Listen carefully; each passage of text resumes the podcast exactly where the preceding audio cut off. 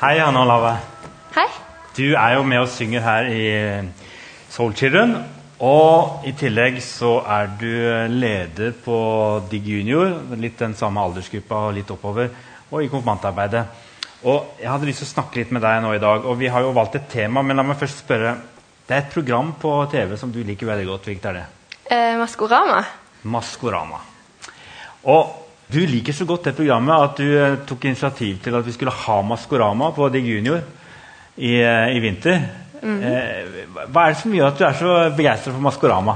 Jeg synes Det er noe veldig kult med det å ikke vite liksom, hvem som er bak maska. At du liksom må tenke deg fram til Å, hvem kan det være. Altså, Det er bare noe veldig sånn, fascinerende med det programmet. At du ikke vet hvem det er som synger.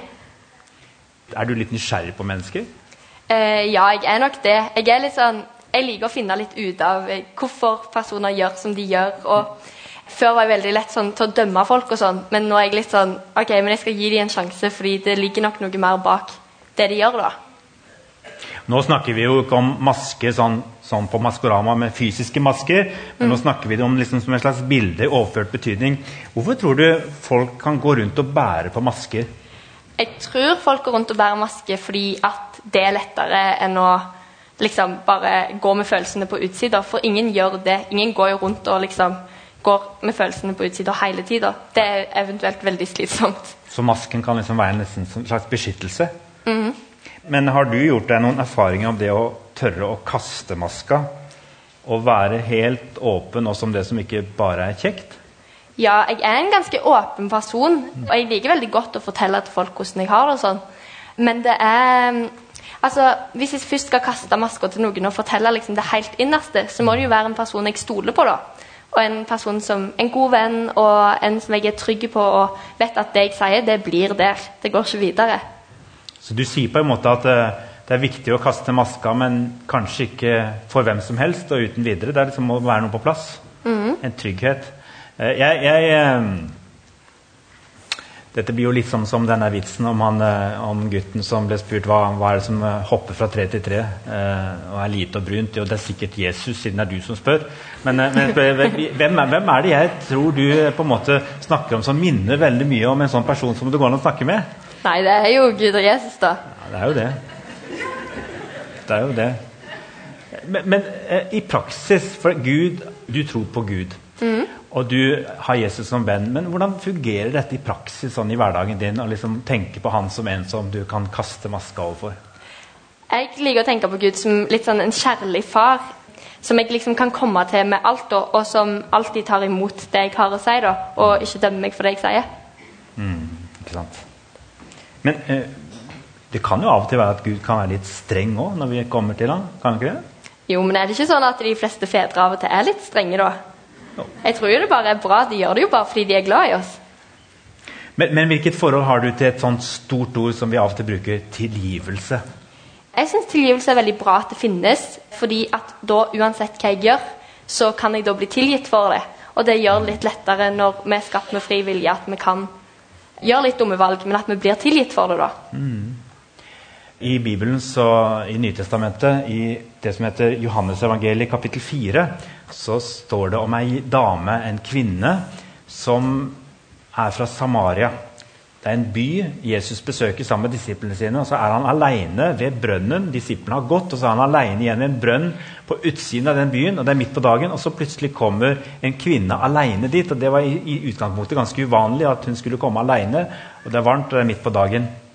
Men hun kommer dit, skjønner vi etter hvert i den teksten, hun kommer dit fordi hun skammer seg over livet sitt og vil helst gjemme seg bort. Og det er jo en annen måte å bære maske på, er at man gjemmer seg for folk. ikke sant? Og så skjer det at eh, når Jesus snakker med henne, så vil hun først på en måte holde han litt på avstand og snakke bort at eh, hun skal ha noe med han å gjøre, men så skjønner hun plutselig at det er et, sånn fantastisk som skjer i den samtalen. at han vet liksom alt om henne. Så det er alt han sier, det er som han ser bak maska hennes. Han vet alt. Og så likevel springer hun ikke, fordi hun skjønner at selv om han vet alt, så er det trygt å snakke med han, og han vil henne vel. Og Det syns jeg er et veldig flott bilde, eller flott eksempel på akkurat det som vi snakker om her nå. Og det som skjer på slutten i, den, i kapittel 4, 28-29, det er at hun skjønner at han har kommet direkte fra Gud til henne fordi at han både sier ting som, aldri, som hun aldri hadde sagt til noen andre, eller i hvert fall ikke at han visste om, og at hun blir møtt med et eller annet som er nesten litt sånn utenom det vanlige, som ingen mennesker kan møte henne med. Og da sier hun Kvinnen lot nå vannkrukken sin stå og gikk inn i byen og sa til folk står det, Kom og se en mann som har fortalt meg alt det jeg har gjort. Han skulle vel ikke være Messias? Og Noen ganger er det å bli avslørt og å miste maska det er egentlig det beste som kan skje, tror jeg. Hvis det skjer sammen med noen som er glad i oss, og bare ønsker å elske oss til et helt og godt liv. Og sånn er Jesus. Jeg tenkte litt på det du sa i stad, Hanna Lava, om at eh, du beskrev en du virkelig kunne stole på, og at det nok er en som ligner på Gud selv. Vi er jo skapt i Guds bilde, men så er det jo det, da. At det bildet er blitt ødelagt av synden. Og vi er jo ikke perfekte sånn som Jesus er. Og da kan det jo hende at de aller beste menneskene vi kjenner, de kan likevel plutselig skuffe oss. Du har et annet bibelvers om hvordan Gud er i forhold til til og med de menneskene som vi trodde vi kunne stole på, men som til og med av og til svikter. Hva står det der? Ja, Det står i Paulus andre brev til Timotius i kapittel 2. Mm. Er vi troløse, så er han trofast, for han kan ikke fornekte seg selv. Det er et litt vanskelig ord. Hva betyr det, tror du? Det å være troløs betyr vel at man ikke er til å stole på. Men det klarer jo ikke Gud å være. Han er alltid til å stole på. Så selv om vi svikter, så kan ikke han svikte. For da svikter han på en måte seg sjøl og sitt eget vesen. Ja. Han er helt annerledes. Til slutt i dag så kommer vi til å synge velsignelsen på engelsk. nok, Men det er den velsignelsen som vi har på slutten av alle gudstjenester. Og Der er et sånt fint ord om at eh, Herren lar sitt ansikt lyse over oss og være oss nådig. Hva forbinder du med, med, denne setningen at ansiktet lyser over oss i denne sammenhengen? Det handler jo om å bli sett, eh, og det er noe annet enn bare ei hånd som hilser på oss. Det er et ansikt som møter oss og mm. ser oss. Det er et blikk, og Gud ser meg og alle dere andre. Og det er veldig kult. Men Er ikke det litt skummelt at Gud ser oss? Jeg er såpass trygg på Gud at jeg vet at han vil meg vel, så derfor er ikke jeg så redd for det ansiktet. Fordi at det er godt å bli sett av en som er glad i meg, uansett hva jeg gjør. Da har jeg lyst til å takke deg, Hanna Olava, for at du eh, prata med meg og delte dine tanker med oss. Og takk for at du er en sånn en som jeg tror eh, Gud og Jesus skinner på. Og vi ser og merker gjenskinnet av Jesus i ansiktet ditt. Takk for det.